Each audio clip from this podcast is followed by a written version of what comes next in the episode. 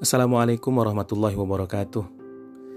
Bismillah walhamdulillah wala ilaha illallah wala haula wala quwata illa billah wassalatu wassalamu ala rasulillah.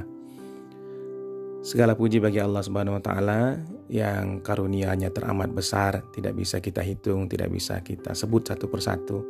Namun di antara karunia yang patut kita syukuri dengan sedalam-dalam kesyukuran adalah bahwa kita masih diberikan kehidupan hari ini sampai kita bisa menikmati bulan Ramadan 1441 Hijriah ini. Mudah-mudahan kesempatan yang Allah berikan ini bisa kita maksimalkan untuk menjadi hambanya yang lebih baik.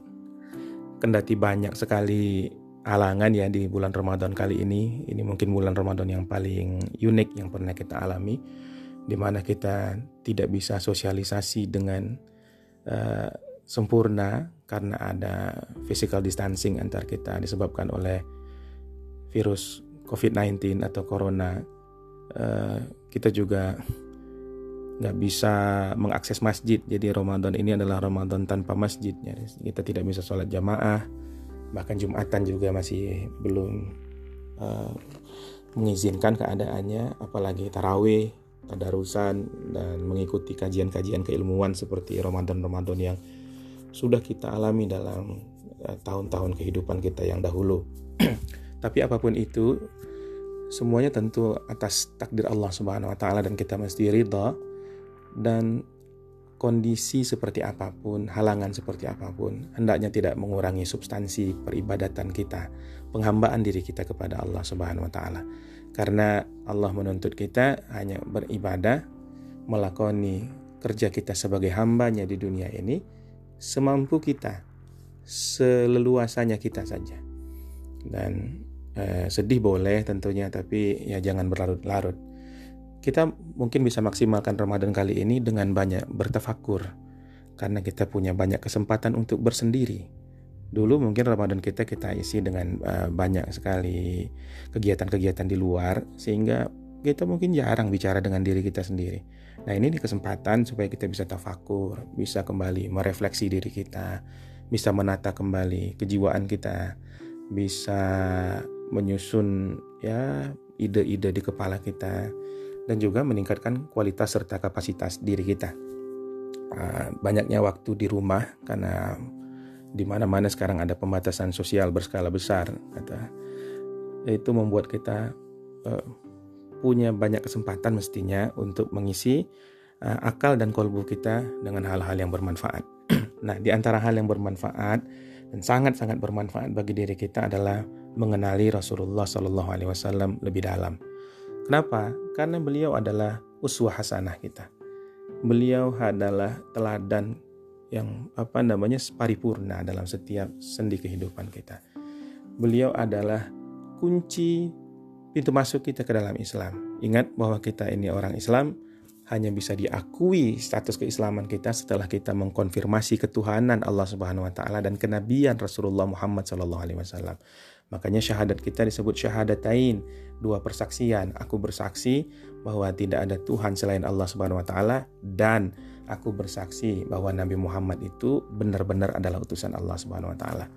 Kalau ada manusia dengan peran sesentral ini dalam kehidupan kita, kalau ada manusia yang menentukan identitas keislaman kita, identitas keberagamaan kita, kalau ada manusia yang menjadi kunci apa namanya diterimanya penghambaan kita kepada Allah Subhanahu wa taala, maka maka tidak mungkin orang ini tidak kita kenali. Kita harus mengenalinya, kita harus menggali informasi yang banyak tentangnya dan yang lebih penting lagi, kita mengambil pelajaran dan mengejar apa namanya uh, pelaksanaan contoh-contoh perilaku, adab, uh, tindakan-tindakan atau apa pun semua pelajaran dari kehidupan beliau semampu kita karena memang pastinya kita tidak akan bisa sehebat beliau karena beliau adalah khairul anam sebaik-baik ciptaan Allah Subhanahu wa taala. Allah mengatakan laqad kana lakum fi rasulillahi uswatun hasanah. Sungguh telah ada pada diri Rasulullah itu uswatun hasanah. Nah, teladan yang paling baik bagimu. Nah, eh, selain itu Allah juga mengatakan bahwa meneladani Rasul ini adalah kunci kecintaan Allah.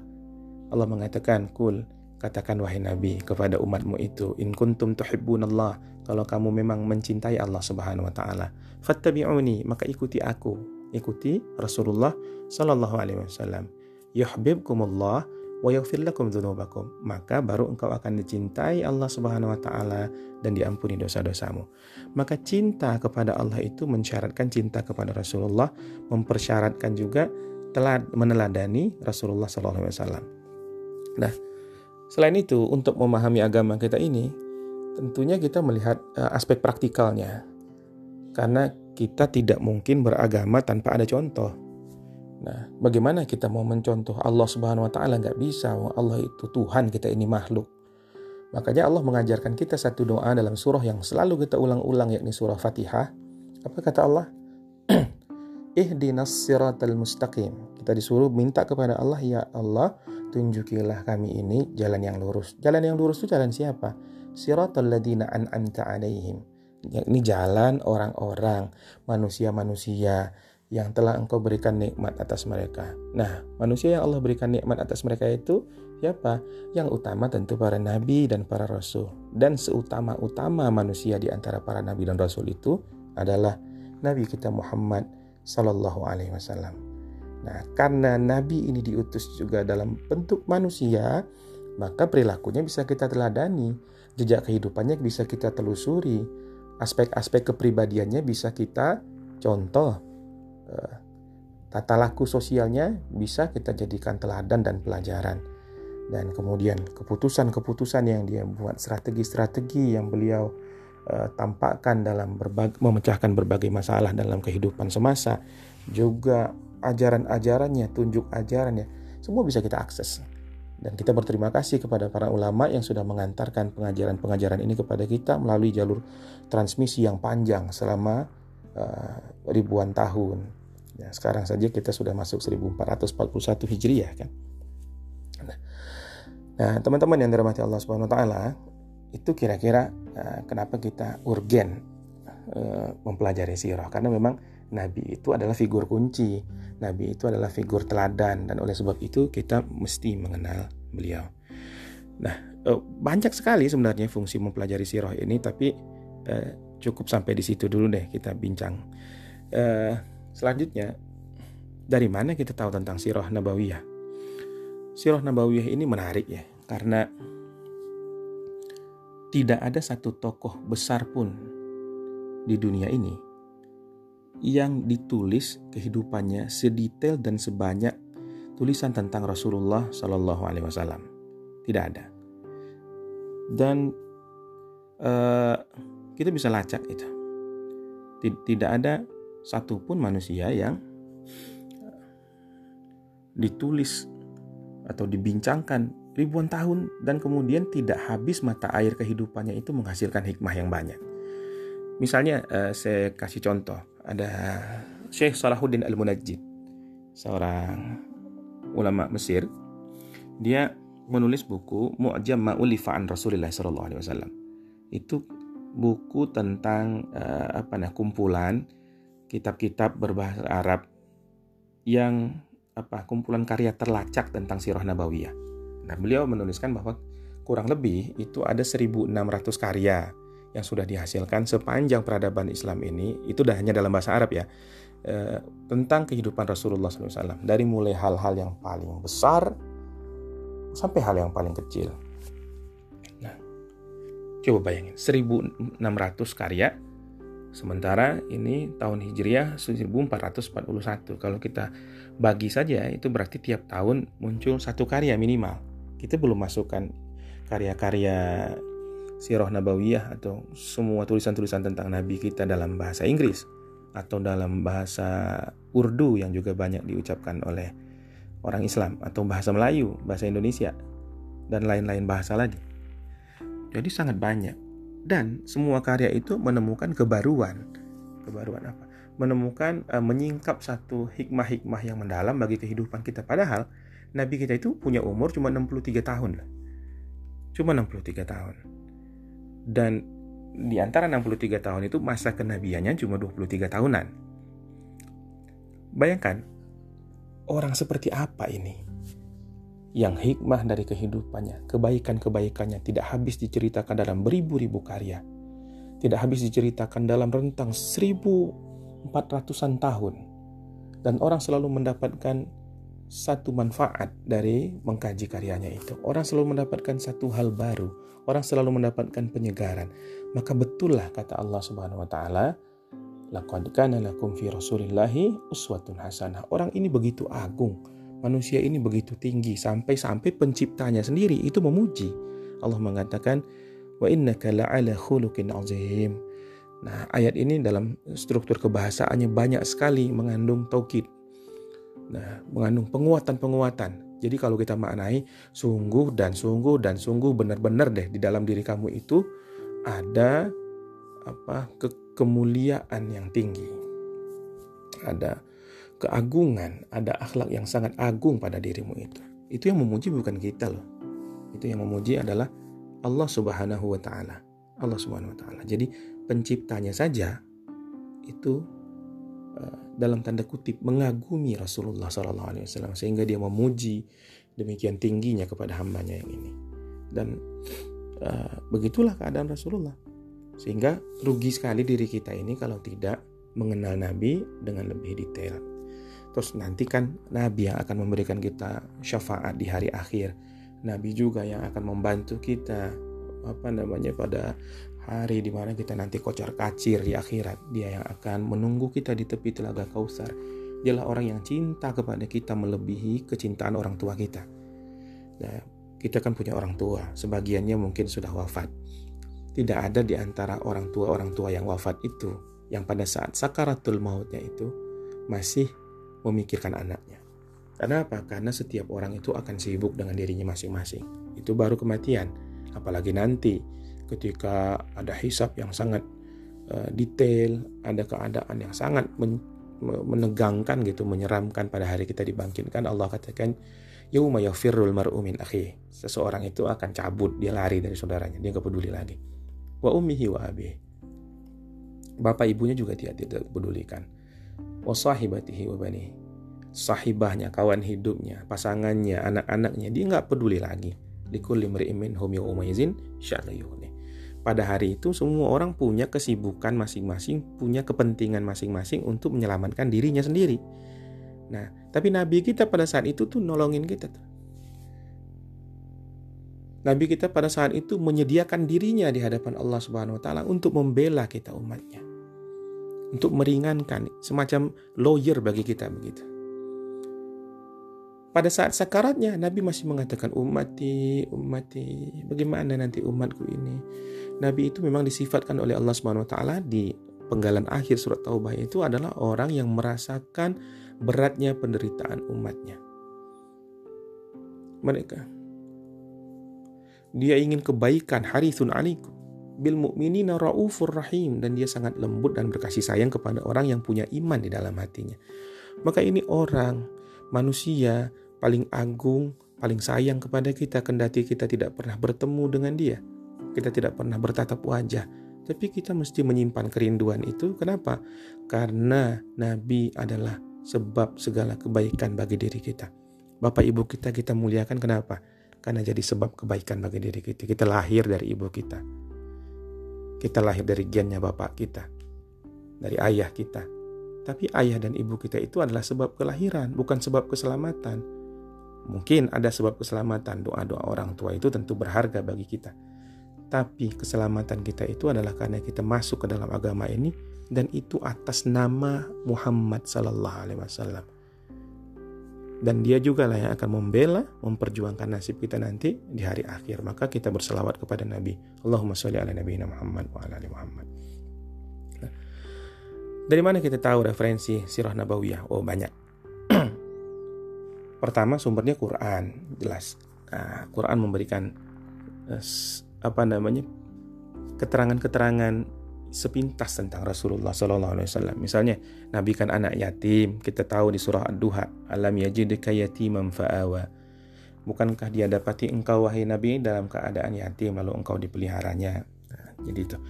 Tapi sumber Quran tentu tidak mencukupi karena Quran itu kan bukan uh, biografi Nabi. Quran itu adalah kalamullah, pengajaran global bagi kita untuk dipakai sepanjang zaman. Jadi dia tidak mungkin apa memuat detail-detail kehidupan Rasulullah SAW. Yang kedua dari sunnah nabawiyah yang sahih. Kita tahu bahwa catatan kehidupan Rasulullah itu sangat detail, sangat-sangat detail. Karena itulah hikmahnya Rasulullah itu diberikan apa namanya eh, sahabat-sahabat yang memperhatikan kehidupan beliau, istri-istri yang juga sangat menyimak detail-detail hari-hari beliau dan kemudian itu diceritakan kepada kita jadi ilmu bagi kita. Utama sekali istri beliau Aisyah radhiyallahu taala anha itu merekam jejak kehidupan Rasulullah itu sangat detail dan beliau meriwayatkan lagi kepada para sahabat bahwa Nabi itu begini, Nabi itu begini. Nah, dalam aspek kepribadian ini ada tiga tema pokok biasanya yang dibahas dalam sirah. Yang pertama kita sebut sebagai asyama'il. Asyama'il ini adalah tema yang kaitannya dengan ciri-ciri fisik, perilaku keseharian, pakaian, penampilan, kebiasaan, gerak-gerik Rasulullah SAW. Yang paling terkenal, kitab yang paling terkenal, kitab klasik yang paling terkenal dalam membicarakan ini adalah karya Imam At-Tirmidzi, judulnya Asyama'il Al-Muhammadiyah. Ya. Kemudian ada lagi kitab eh, bahasan subbahasan yang ceritanya itu tentang kekhususan diri Nabi Shallallahu Alaihi Wasallam. Memang Nabi itu manusia, tapi pasti beda sama kita. Karena kita bukan Nabi, karena kita bukan orang pilihan. Sementara beliau adalah Al Mustafa Al Mukhtar, orang yang Allah pilih. Nah, jadi ada juga hal-hal khusus bagi Nabi yang boleh beliau lakukan, tidak boleh dilakukan umatnya. Atau tidak boleh beliau lakukan, tapi boleh dilakukan oleh umatnya hukum-hukum ini uh, saya bisa kasih contoh misalnya uh, kalau kita lagi susah kita boleh menerima sedekah loh tapi Nabi tidak boleh menerima sodako Nabi bisa terima hadiah tapi tidak boleh menerima sodako Nabi itu uh, boleh berpuasa wisol puasa wisol itu bagaimana? Puasa hari ini bukannya besok. Puasanya berlanjut begitu bagi kita haram. Kita nggak kuat seperti itu. Ini puasa Ramadan aja apalagi hari-hari awal begini ini banyak yang uring-uringan kan. E, Nabi itu punya kewajiban untuk qiyamul lail. Jadi beliau akan bangun setiap malam untuk menghadap kepada Tuhannya. Sementara kita qiyamul lail itu kata Allah fatahajjat bihi nafilatan lak. Maka bertahajudlah kamu nafilatan lak sebagai ibadah nafilah ibadah tambahan saja. E, bisa ya syukur enggak ya dimaafkan oleh Allah Subhanahu wa taala. Nah, kisah-kisah tentang ini atau kajian-kajian tentang ini itu terangkum dalam bab apa tadi Al-Khasais. Uh, kitab penting soal Al-Khasais ini adalah karya Imam As-Suyuti, judulnya Al-Khasaisul Kubra. Terus apa lagi? Uh, yang aspeknya seputar pribadi Nabi itu biasanya kajian tentang Al-Mu'jizat atau kita sebut juga sebagai Ad-Dalail, Dalailun Nubuwah yakni bahasan tentang eh, dalil-dalil kenabian dan mukjizat-mukjizat Nabi Shallallahu Alaihi Wasallam. Kita mungkin nggak banyak ya tahu mukjizat Nabi Shallallahu Alaihi Wasallam karena memang uh, pola penyebaran agama Islam ini, pola pengajaran agama Islam oleh Rasulullah SAW ini berbeda dengan pola-pola yang dilakoni oleh nabi-nabi terdahulu. Kenapa? Karena periode Nabi Muhammad SAW ini adalah ketika manusia sudah mengalami uh, kematangan peradaban uh, secara relatif gitu. Nah, oleh sebab itu yang ditampilkan bukan mukjizat-mukjizat dalam bentuk keajaiban-keajaiban fisikal saja, meskipun itu juga ada, tapi lebih banyak yang menyentuh aspek uh, aspek-aspek uh, lembut software dari peradaban. Apakah itu kebahasaan, apakah itu pemikiran, apakah itu falsafah hidup, yang itu semua uh, menjadi bekal yang cukup untuk tegaknya agama ini sampai akhir zaman. Jadi kita kan banyak melihat bahwa hikmah-hikmah kenabian itu berlaku sepanjang zaman tuh. Contoh orang menggali-gali kemarin ajaran Nabi tentang karantina itu. Nah, bagaimana kalau ada wabah itu dalam Islam ini tidak boleh orang itu meninggalkan tempat wabah kalau dia uh, ada di sana dan kemudian kalau dia dari tempat yang aman dia tidak boleh masuk ke tempat wabah. Ini kan sampai sekarang juga dipakai teori-teori seperti ini. Nah jadi masa kematangan manusia dan karena Islam ini disiapkan Allah sebagai agama terakhir yang tidak akan ada agama lain lagi tidak akan ada perbaruan lagi. Al-Quran juga disiapkan untuk akhir zaman tidak akan ada kitab suci yang baru lagi. Nabi Muhammad juga adalah teladan sepanjang masa tidak akan muncul nabi baru lagi. Hadis-hadis Nabi juga itu adalah perkataan-perkataan yang harus uh, hikmahnya itu merentang sepanjang zaman. Kita nggak tahu zaman ini sampai berapa ribu tahun lagi ke depan. Maka mukjizat-mukjizat Rasulullah SAW itu banyak uh, berupa uh, pengajaran-pengajarannya. Tapi mukjizat Nabi itu jangan dikira sedikit. Kenapa? Karena uh, ada ulama, misalnya Al-Hafiz Ibnu Hajar Al-Asqalani mensinyalir itu kurang lebih mukjizat Nabi itu jumlahnya 3000. Nah, kita sebagai orang Islam nih, berapa dari 3000 itu yang kita bisa sebut sekarang? Mungkin sedikit sekali. Nah, makanya kita perlu mengkaji, mengkaji, mengkaji lagi tentang kehidupan Rasulullah Shallallahu alaihi wasallam. Nah, dalam tema ini uh, karya yang bagus itu adalah karya Imam Al-Baihaqi. Judulnya adalah Ilun Nubuwah, ya, dalil-dalil kenabian. Nah, kitab-kitab ini hanya sedikit dari uh, sekian banyak lagi tulisan-tulisan tentang Rasulullah SAW yang dibukukan oleh para ulama kita. Nah, sumber-sumber ini bisa jadi dari zaman apa tadi dari Sunnah Nabawiyah, dari syair-syair zaman kerasulan juga itu diambil. Nah, kan ada syair-syair yang menyanjung Rasulullah SAW misalnya oleh para sahabat yang memang sastrawan seperti Hasan bin Sabit atau Abdullah bin Rawahah radhiyallahu anhu majma'in.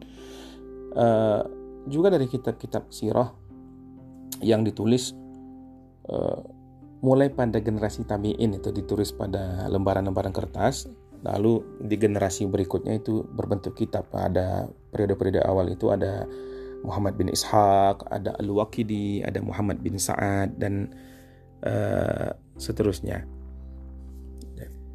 Jadi uh, itu uh, sebagai pengantar bagi kita untuk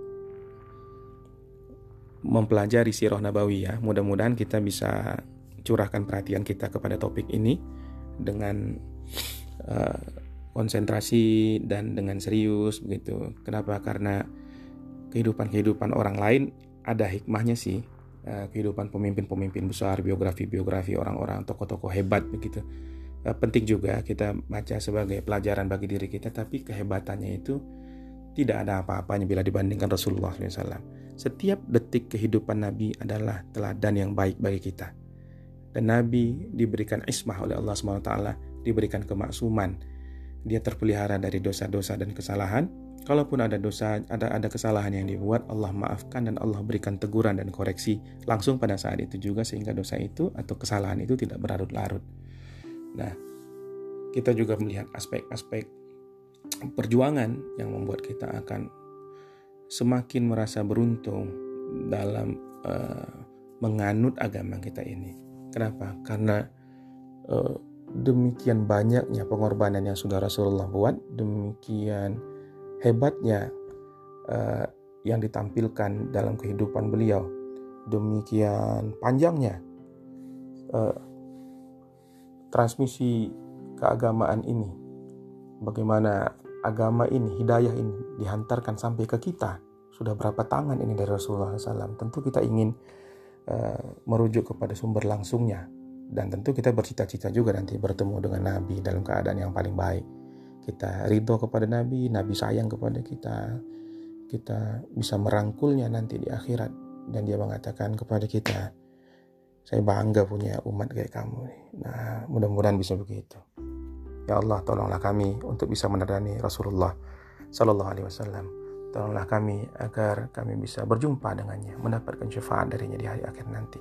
Dan sayangilah kami ya Allah Subhanahu. Wahai Tuhan kami yang maha berkuasa, yang maha rahim, yang maha rahman, yang pengasih, yang penyayang. Engkaulah puncak segala-gala tujuan kami. Dan Rasulmu lah jalan kami kepada engkau.